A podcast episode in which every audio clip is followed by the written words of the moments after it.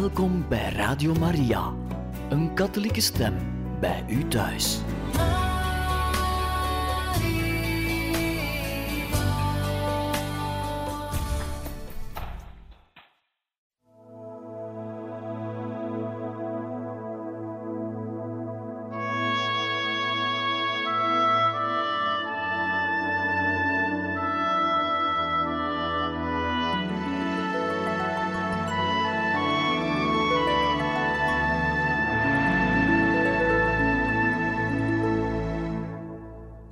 Beste luisteraars van Radio Maria, hartelijk welkom in dit programma Heilige Getuigen, waar wij verder gaan met de lezing uit het boek Hij had de moed om te spreken, een bisschop onder nazi-terreur, de zalige Clemens August, kardinaal von Galen, bisschop van Münster. Geschreven door eerwaarde heer Edward Janssens. Wij waren gekomen bij hoofdstuk 3, een keerpunt de drie lange preken, bij het onderwerp 3, de preek van 20 juli 1941 in de Onze Lieve Vrouwkerk te Münster. Wij gaan dus nu verder met de tekst van de preek. Deze zondag zal in alle parochies van het bisdom, die tot nog toe zelf geen oorlogsschade hebben geleden, de door mij voorgeschreven collecte gehouden worden voor de inwoners van de stad Münster. Ik hoop dat het zal lukken velerlei nood te lenigen door het ingrijpen van de daartoe bevoegde nationale en stedelijke instanties en door de broederlijke hulp van de katholieken uit ons bisdom, van wie de giften door de Caritas-instellingen beheerd en verdeeld worden. God zij dank Sinds verscheidene dagen hebben geen nieuwe aanvallen van de buitenlandse vijanden onze stad getroffen. Helaas moet ik zeggen, de aanvallen van onze vijanden uit eigen land, die nu zijn ingezet en waarover ik vorige zondag in de Sint-Lamberti gesproken heb, werden de laatste weken voortgezet zonder dat men zich ook maar iets aantrok van ons protest en het grote verdriet dat daardoor de betrokkenen en hun verwanten werd aangedaan. Vorige week heb ik in het openbaar mijn verdriet erover geuit en het als een ten hemel schreiend onrecht gebrandmerkt, dat de Gestapo de kloosters van de zusters van de onbevlekte ontvangenis in Wilkinghege en van de Jezuïeten in Münster had gesloten, gebouwen en inboedel in beslag genomen en de bewoners de straat opgejaagd en uit hun geboortestreek verdreven had. Ook het Lourdesklooster in de Vrouwenstraße werd ten behoeve van de gauwleiding in beslag genomen. Ik wist toen nog niet dat de Gestapo op dezelfde dag, dus op zondag 13 juli, het Camillescollege in Zoetmule en de Benedictijnenabdij Sint-Jozef in Gerleven bezet in beslag genomen en er de paters en broeders verdreven had. Ze moesten nog dezelfde dag Westfalen verlaten.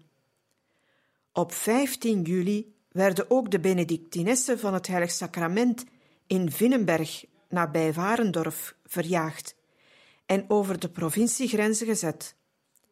Op 17 juli moesten de kruiszusters in het huis Aspel, nabij Rees, hun bezittingen en het district Rees verlaten.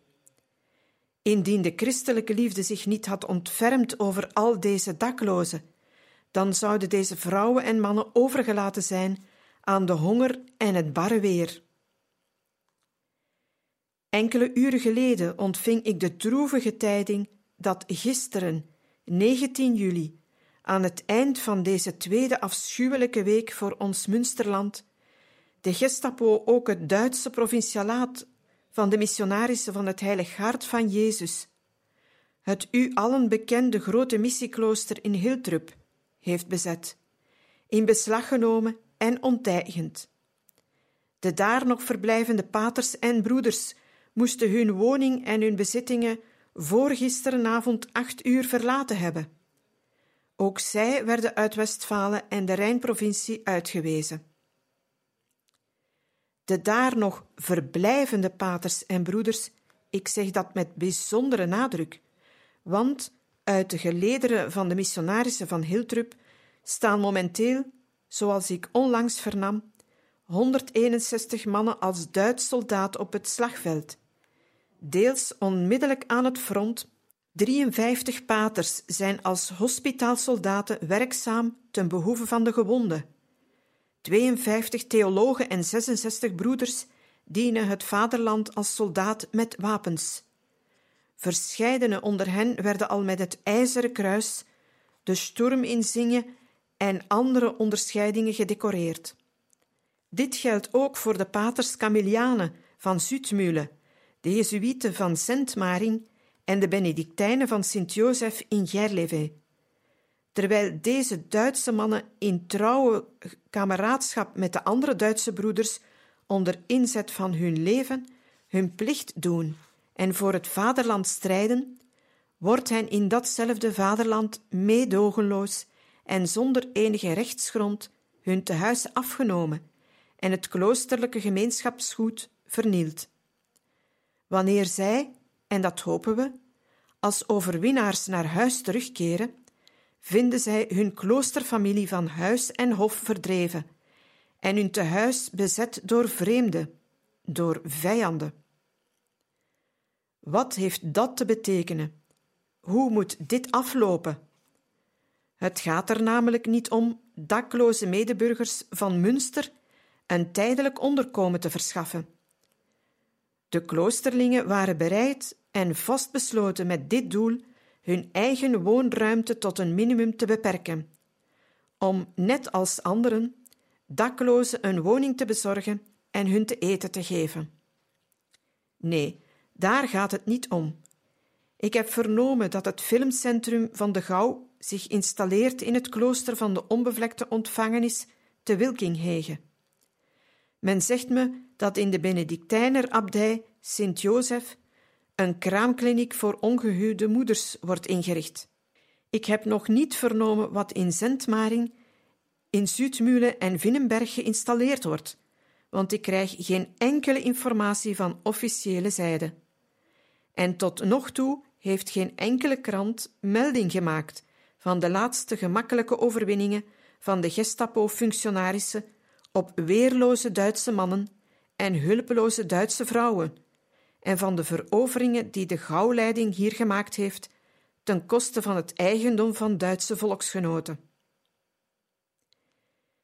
Ik heb op maandag 14 juli het hoofd van de provincie opgezocht en hem om bescherming van de vrijheid en het eigendom van onschuldige Duitse burgers verzocht. Hij heeft mij uitgelegd dat de Gestapo een totaal zelfstandige overheidsinstantie is.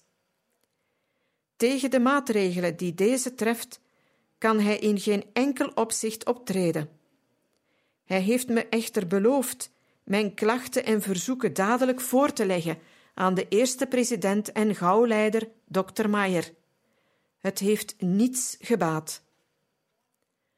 Op diezelfde maandag 14 juli heb ik naar de Rijkskanselarij van de Führer in Berlijn een telegram gestuurd, waarvan ik de inhoud hier letterlijk weergeef. Terwijl de vijand sinds 6 juli de stad Münster met vreselijke nachtelijke aanvallen tracht te verwoesten, is de Gestapo op 12 juli begonnen met het in beslag nemen van de kloosters en ordehuizen in de stad en omgeving, met inbegrip van de inboedel en onttijgening ten gunste van de gauwleiding. De bewoners, onschuldige mannen en vrouwen, achtenswaardige leden van Duitse families, van wie de naastbestaanden nu voor Duitsland vechten, worden beroofd van hun tehuis, de straat opgejaagd en uit hun provincie verbannen. Ik verzoek de Führer en Rijkskanselier in het belang van de gerechtigheid en de hechte band van het binnenlandse front, de vrijheid en het eigendom van deze Duitse mensen te beschermen tegen de willekeurige maatregelen van de Gestapo en tegen de beroving ten gunste van de gauwleiding. Soortgelijke verzoeken heb ik telegrafisch voorgelegd aan de Rijksbestuurder van Pruisen, Rijksmaarschalk Geuring, de Rijksminister voor Binnenlandse Zaken, de Rijksminister voor Kerkelijke Aangelegenheden en tenslotte ook aan het opperbevel van de Weermacht. Als het argument van de gerechtigheid geen indruk zou maken, zo hoopte ik toch dat tenminste het besef van de gevaren die de verdeeldheid van het binnenlandse front juist nu midden in de oorlog zouden veroorzaken, die instanties in beweging zou brengen om aan het optreden van de Gestapo tegen onze broeders en zusters een halt toe te roepen, en dat men aan onschuldige Duitse vrouwen ridderlijke bescherming niet zou weigeren. Te vergeefs.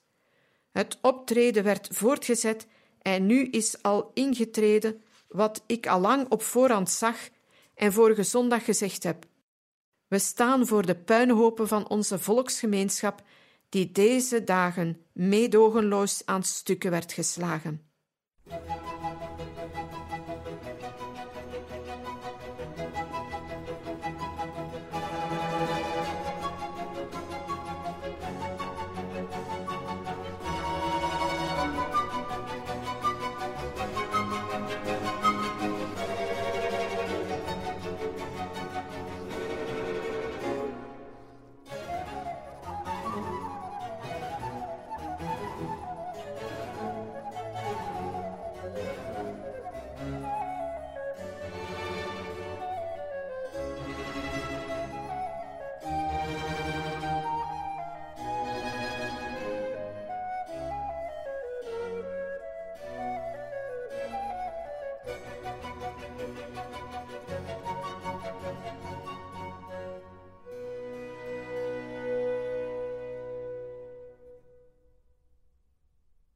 Ik heb het provinciehoofd, de ministers en het opperbevel van de Weermacht er nadrukkelijk op gewezen hoe de gewelddaden tegen Duitse mannen van onbesproken gedrag, hoe dit brute optreden tegenover weerloze Duitse vrouwen, dat elke ridderlijkheid tegenstaat en slechts kan voortvloeien uit een dodelijke haat tegen het christelijk geloof en tegen de katholieke kerk, hoe deze praktijken bepaald als sabotage werken en tot ontwrichting van onze volksgemeenschap leiden.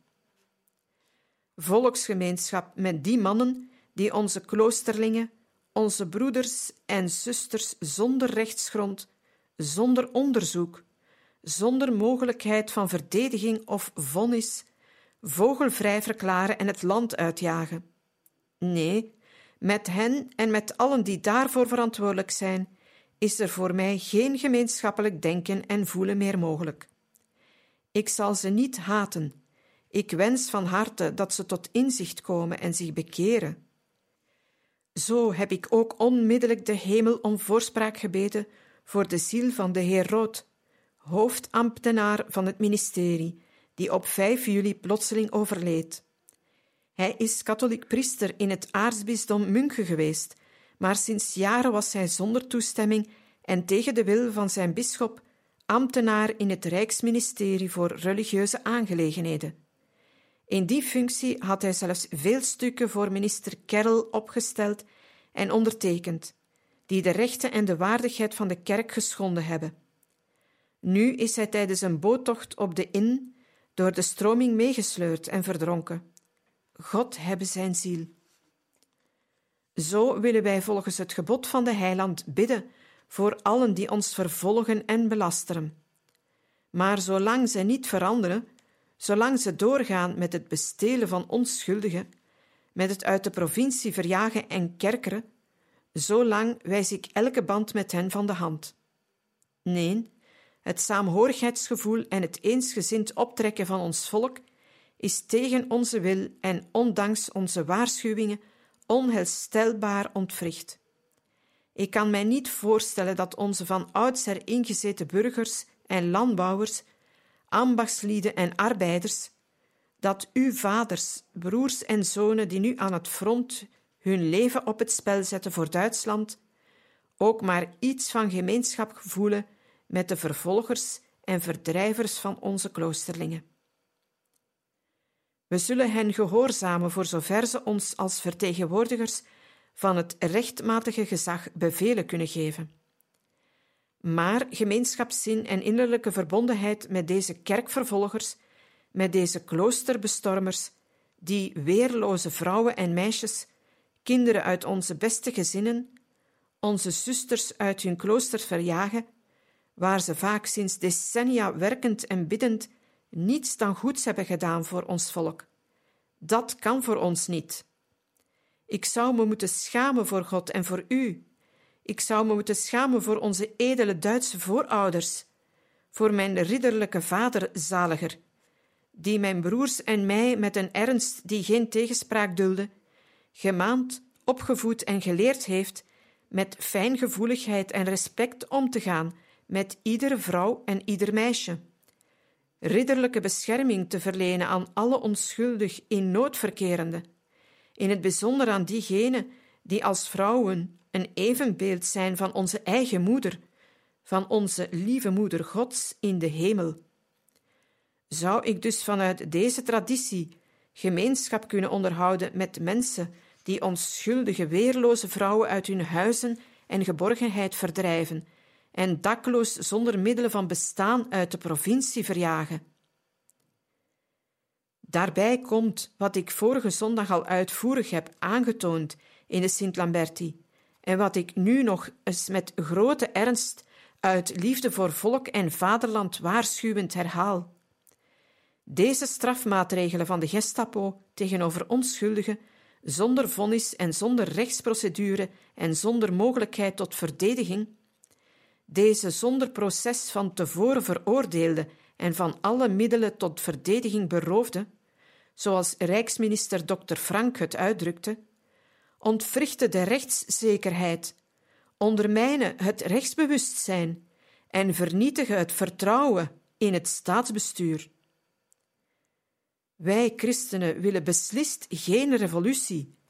Wij zullen trouw onze plicht blijven vervullen in gehoorzaamheid aan God, uit liefde voor ons Duitse volk en vaderland. Onze soldaten zullen vechten en sterven voor Duitsland, maar niet voor degenen die door hun verschrikkelijk optreden tegen onze kloosterlingen, tegen hun broeders en zusters, onze harten krenken en de Duitse naam voor God en de mensen smaad aandoen. Wij vechten dapper verder tegen de buitenlandse vijand. Tegen de vijand in het binnenland die ons pijnigt en slaat, kunnen wij niet met wapens vechten. Daar rest ons enkel als strijdmiddel een krachtig, taai en hard volhouden. Gehard worden, standvastig blijven. Wij merken en ervaren nu duidelijk dat er achter de nieuwe theorieën, die ertoe geleid hebben dat de godsdienst uit de scholen werd verbannen, onze verenigingen werden onderdrukt en dat nu onze katholieke kleuterscholen vernietigd zullen worden, een pijloos diepe haat schuilgaat tegen het christendom dat men wil uitroeien. Als ik juist ben ingelicht, heeft dat immers ook schoolleider Schmidt veertien dagen geleden in de stadshal ter plaatse voor een onder dwang verschenen publiek, waaronder ook leerlingen, openlijk uitgesproken en het districthoofd, de heer Miering, heeft enthousiast geapplaudisseerd en belooft zich in te zetten voor de uitvoering van dergelijke plannen. Gehard worden, standvastig blijven. Momenteel zijn wij niet de hamer, maar het aanbeeld. Anderen, meestal vreemde en afvallige, hameren op ons, willen met gebruikmaking van geweld ons volk, onszelf en onze jeugd opnieuw vormen en van de juiste houding tot God afbuigen. Wij zijn het aanbeeld, geen hamer. Ga echter maar eens kijken in een smederij. Vraag het aan de smid en laat het u door hem vertellen. Wat op het aanbeeld gesmeed wordt, krijgt zijn vorm niet alleen door de hamer, maar ook door het aanbeeld. Het aanbeeld kan niet en hoeft ook niet terug te slaan. Het moet alleen stevig en hard zijn. Als het voldoende taai, vast en hard is, gaat het aanbeeld meestal langer mee dan de hamer. Hoe hard de hamer ook toeslaat, het aanbeeld blijft geduldig overeind en zal nog lang dienst doen om dat te vormen wat gesmeed wordt. Thans worden zij gesmeed, die ten onrechte gekerkerd werden. Onschuldig uitgewezen en verbannen. God zal hen daarbij helpen, opdat ze de vorm en houding van christelijke standvastigheid niet verliezen, wanneer de hamer der vervolging hen bitter treft en hen onrechtvaardig wonden toebrengt. In onze dagen worden onze kloosterlingen, paters, broeders en zusters gesmeed. Ik had eergisteren de kans om een aantal verdreven in hun provisorische onderkomens te bezoeken. Ik werd gesticht en enthousiast vanwege de dappere houding van deze moedige mannen en deze zwakke, weerloze vrouwen die men ruw en meedogenloos uit hun kloosterlijke geborgenheid, uit de kapel, uit de nabijheid van het tabernakel verjaagde, die met opgeheven hoofd bewust van hun onschuld in ballingschap, een onzekere toekomst tegemoet gaan, maar vertrouwend op Hem, die de vogels van de hemel voedt en de lelies op het veld kleedt. Ze zijn blijmoedig in die vreugde die de heiland zijn leerlingen op het hart drukt. Zalig zijt gij, wanneer omwille van de mensenzoon de mensen u haten, wanneer zij u uitstoten u beschimpen en uw naam uit de samenleving bannen als iets verfoeilijks. Als die dag komt, springt dan op van blijdschap, want groot is uw loon in de hemel. Werkelijk, deze mannen en vrouwen zijn meesterwerken uit de goddelijke smidse. In deze tijd wordt onze jeugd tussen hamer en aanbeeld gesmeed de opgroeiende, nog onrijpe kneedbare jeugd, die nog vatbaar is voor ontwikkeling.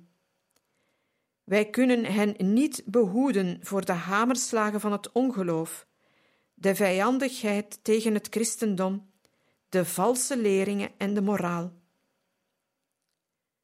Wat wordt hen voorgelegd en opgedrongen op de gezellige avonden en tijdens de officiële vergaderingen van die jeugdverenigingen, waarbij ze zich, naar men zegt, met toestemming van hun ouders vrijwillig hebben aangesloten. Wat horen ze op die scholen waarop de kinderen vandaag de dag noodgedwongen, de wil van de ouders negerend, de lessen moeten volgen? Wat lezen ze in de nieuwe schoolboeken? Bekijk toch, christelijke ouders, de boeken, vooral de geschiedenisboeken van de middelbare scholen. U zult ontzet zijn over de mate van onbekommerdheid om de geschiedkundige waarheid, waarmee men probeert de onervaren kinderen met wantrouwen tegen het christendom en de kerk, ja, met haat tegen het christelijk geloof te vervullen. Op de bevoorrechte onderwijsinstellingen van de staat, de Hitlerscholen, de nieuwe onderwijsinstellingen voor toekomstige leraren en leraressen, wordt elke christelijke invloed in de kiem gesmoord en elke echte religieuze activiteit principieel uitgesloten. En wat gebeurt er met de kinderen die in het voorjaar met het oog op luchtaanvallen naar verre oorden werden gestuurd? Hoe staat het met hun godsdienstonderwijs en met hun godsdienstoefeningen? Christelijke ouders, u moet zich hierom bekommeren anders verzuimt u uw heiligste plichten. Anders kunt u geen rein geweten hebben en kunt u niet staande blijven voor Hem die u de kinderen toevertrouwde om ze op weg naar de hemel te leiden. Wij zijn het aanbeeld, geen hamer. U kunt uw kinderen dat edele, maar nog niet hardgemaakte en gestaalde ruwe metaal helaas niet behoeden voor de hamerslagen van de vijandigheid tegenover geloof en kerk. Maar ook het aanbeeld maakt deel uit van het vormingsproces. Laat het ouderlijk huis uw liefde en trouw als ouders. Laat uw voorbeeldig leven als christen, het sterke, taaie, solide en onwrikbare aanbeeld zijn, dat het gewicht van de vijandelijke slagen opvangt dat de nog zwakke kracht van de jongeren steeds weer sterkt en verstevigt in de heilige wil zich niet van de weg naar God af te laten brengen. Bijna zonder uitzondering worden wij in deze tijd allemaal gesmeed. Hoeveel mensen zijn niet vanwege staatspensioenen, kindertoeslag en andere zaken afhankelijk? Wie is er vandaag nog onafhankelijk en baas over zijn eigen bezittingen of eigen zaak?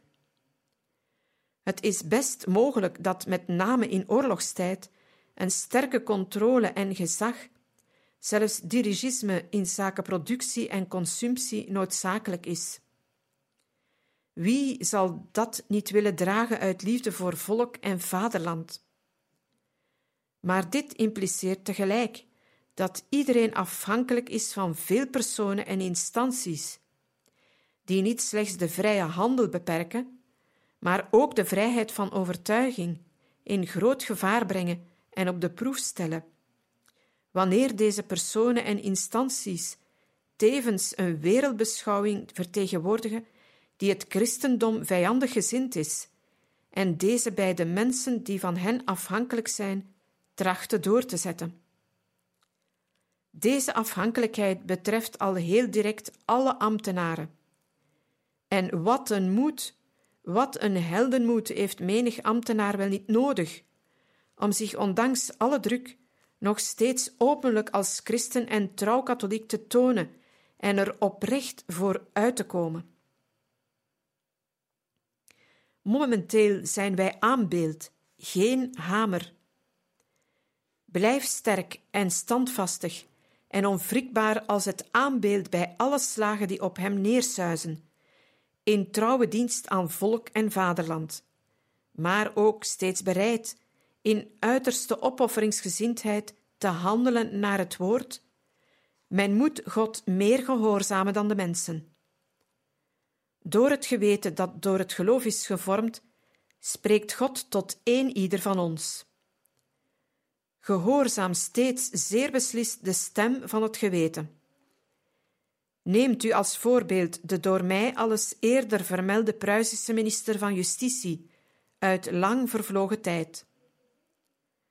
Ooit heeft Frederik de Grote van hem geëist een door hem wettig geveld vonnis nietig te verklaren en te wijzigen. Daarop heeft deze echte edelman, een heer van Münchhausen, zijn koning het schitterende antwoord gegeven. Uwe majesteit kan over mijn hoofd beschikken, maar niet over mijn geweten. Hij wilde daarmee zeggen ik ben bereid voor mijn koning te sterven. Ja, ik zou zelfs gehoorzaam de dood onder beulshanden accepteren. Mijn leven behoort de koning toe, maar niet mijn geweten. Dat behoort God toe. Is het geslacht van zulke edelmannen die zo'n instelling hebben en zo handelen? Zijn de Pruisische ambtenaren van dit ras uitgestorven? Bestaan die burgers en boeren ambachtslieden en arbeiders niet meer, die net zo gewetensvol en net zo onbaatzuchtig zijn? Dat kan en dat wil ik niet geloven. En daarom herhaal ik nog eens: word gehard, word sterk, blijf standvastig, zoals het aanbeeld onder de slagen van de hamer. Het is mogelijk dat de gehoorzaamheid aan God, de trouw tegenover het geweten, mij of u het leven de vrijheid of de geboortegrond kost. Maar liever sterven dan zondigen. Mogen Gods onontbeerlijke genade u en mij deze onwrikbare vastberadenheid geven en deze onderhouden.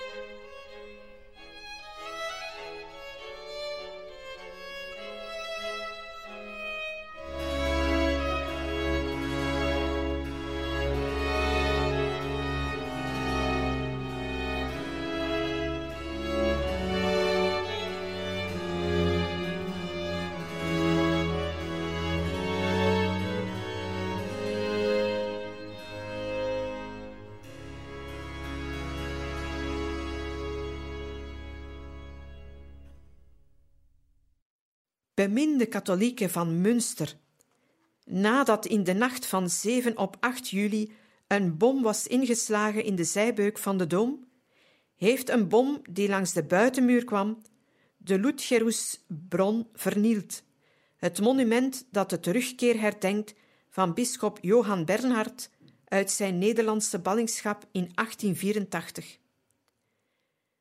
De beelden van de twee bisschoppen Switger en Erfo aan beide kanten van het monument zijn ernstig beschadigd.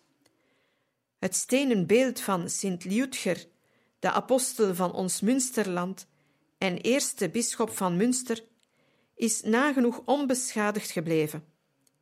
Zegenend en naar de hemel wijzend, houdt hij zijn onbeschadigd gebleven rechterhand omhoog. Het is alsof wij door de welhaast wonderlijke redding van dit beeld de aanmoediging krijgen. Wat er ook gebeuren mag, klamp u vast aan het door God geopenbaarde en door onze voorouders doorgegeven katholieke geloof. Bij alle vernieling van menselijke arbeid, in alle nood en zorg, in alle benauwdheid en vervolging, de harten omhoog. Sint Lutger spoort u aan. Ik, zijn zeventigste opvolger op de bisschopszetel, spoor u aan met de woorden die de apostel Petrus, de eerste paus tijdens de eerste christenvervolging, de in nood verkerende christenen schreef. Houd u dan klein onder de sterke hand van God. Hij zal u ter zijner tijd omhoog heffen. Schuift al uw zorgen op hem af, want hij heeft zorg voor u. Wees nuchter, word wakker. Uw vijand de duivel zwerft rond als een brullende leeuw, op zoek naar een prooi om te verslinden. Weerstaat hem, sterk door het geloof. De God van alle genade, die u in Christus tot zijn eeuwige heerlijkheid heeft geroepen, hij zelf zal u na een korte tijd van lijden herstellen en bevestigen en stevig zetten op hechte grondslagen. Hem is de kracht in eeuwigheid. Amen. Uit de eerste brief van de apostel Petrus, hoofdstuk 5, vers 6 tot 11.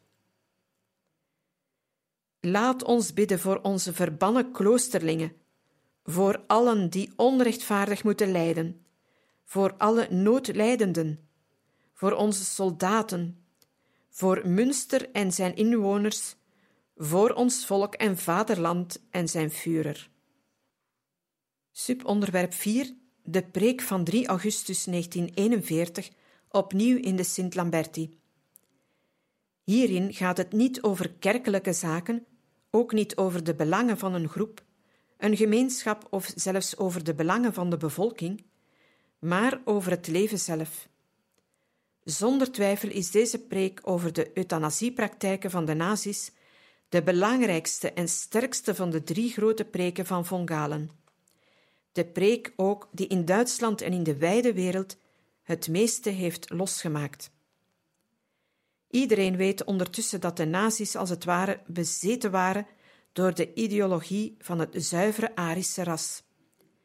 Het was een van de pijlers van hun systeem.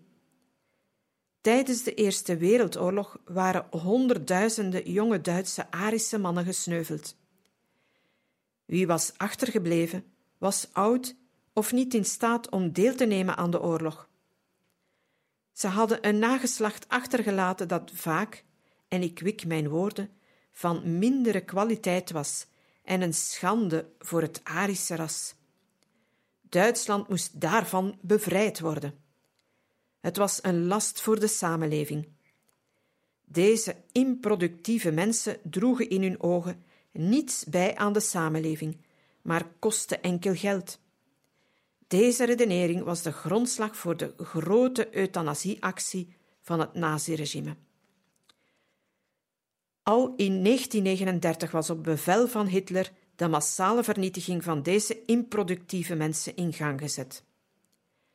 Daartoe was een instelling opgericht die haar hoofdzetel had in de Tiergartenstraße nummer 4 in Berlijn. Vandaar dat de hele operatie schuilging onder de naam T4-actie. De operatie ging van start in de Oost-Duitse gebieden en zat als volgt in elkaar. Instellingen van geestelijk gehandicapte patiënten werden aangeschreven om lijsten aan te leggen van hun patiënten, met de indicaties over de aard van de ziekte, de werkbekwaamheid en uiteraard de rasseneigenschappen. Het ministerie stelde dan, op basis van deze gegevens, de lijsten samen van mensen die in aanmerking kwamen voor een genadevolle dood. Schizofrene patiënten, senielen, criminelen en Joodse mensen kwamen het eerst op de lijsten. Medewerkers van de SS-afdeling geheime ziekentransporten brachten de geselecteerden samen in een soort doorgangsverblijf. Vandaar ging het naar een van de zes vernietigingsplaatsen. Het doden zelf gebeurde meestal in een soort autobus, waarin gifgas geblazen werd. Soms werden ze samengebracht in echte gaskamers en andere werden om het leven gebracht door middel van dodelijke injecties. De nabestaanden kregen na enige tijd een standaardbrief waarop een doodsoorzaak vermeld stond, zoals bijvoorbeeld longontsteking, en dat omwille van besmettingsgevaar het lijk al verast was en men de as kon ophalen. Ondanks bijzonder grote geheimhouding van deze T4-actie was er vanzelfsprekend grote onrust ontstaan onder de nabestaanden van de slachtoffers. Het mogen opgemerkt worden dat het hier niet ging om enkele honderden, maar over tienduizenden slachtoffers van deze vernietigingsactie. Ook de katholieke bisschoppen werden gealarmeerd en enkele onder hen, waaronder bisschop von Galen, protesteerden schriftelijk en vroegen wel degelijk om uitleg omtrent geruchten over deze actie. Ook de Heilige Stoel, middels een schrijven van 2 december 1940, protesteerde tegen het doden van onschuldige medemensen. Wederom hadden deze protesten geen enkel effect. Aan de rand van de stad Münster bevond zich een krankzinnige gesticht, het psychiatrisch centrum Marienthal. Het was een instelling van de provincie Westfalen, waarvan de organisatie was toevertrouwd aan een congregatie van zusters. Sommige auteurs vermelden dat het een zuster Landeberta was, die de bisschop van Münster verwittigde. Samen met een medezuster Recordata lukte het haar om s'nachts via een zijingang ongezien het bisschopshuis binnen te komen. Andere bronnen zeggen dat het de almoezenier was van de instelling die bisschop von Galen verwittigde dat er nu ook in Marienthal een groep patiënten was geselecteerd voor de T4-actie en klaar was om op 31 juli getransporteerd te worden naar het plaatsje Hadamar, nabij de stad Limburg in Hessen, om daar vernietigd te worden. Onmiddellijk, al op 26 juli, schreef von Galen een brief naar de provinciaal verantwoordelijke, een zekere heer Kolbow. Twee dagen later, op 28 juli, legde hij bij de politie in Münster een aanklacht neer wegens moord.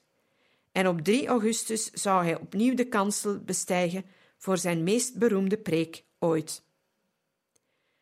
Zoals gewoonlijk begon hij zijn preek met de naakte feiten, namen, adressen en data van mensen waarvan men het spoor bijster was geraakt en van wie men het vermoeden had dat zij op transport waren gezet.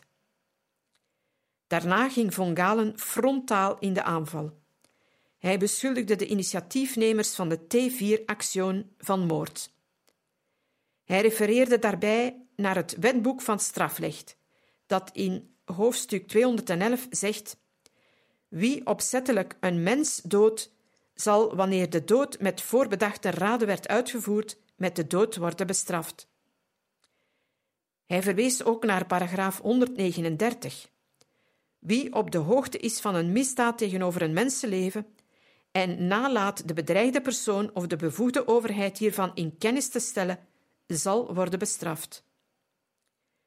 Dat waren zware beschuldigingen die men niet zomaar van tafel kon vegen en die ook op de toehoorders grote indruk maakten. De mensen in de kerk waren niet zomaar verbaasd. Zij waren verbijsterd. En ademloos hoorden zij toe hoe von Galen zei: Het gaat hier niet over een paard dat lam geworden is. Het gaat hier niet om een machine die kapot is. Als het eenmaal zo ver is dat mensen het recht hebben om andere mensen, die zij als improductief betitelen, ook al gaat het nu om psychiatrische patiënten, dan is dat logischerwijze moord op alle improductieve mensen. Ongeneeslijk zieke, arbeidsonbekwame, invaliede. Dat is moord op ons allen, wanneer we oud en zwak geworden zijn en daardoor improductief, toegestaan. Dan hoeft enkel één of andere geheime instantie die toegepast wordt op geesteszieken ook op andere improductieve mensen toegepast worden.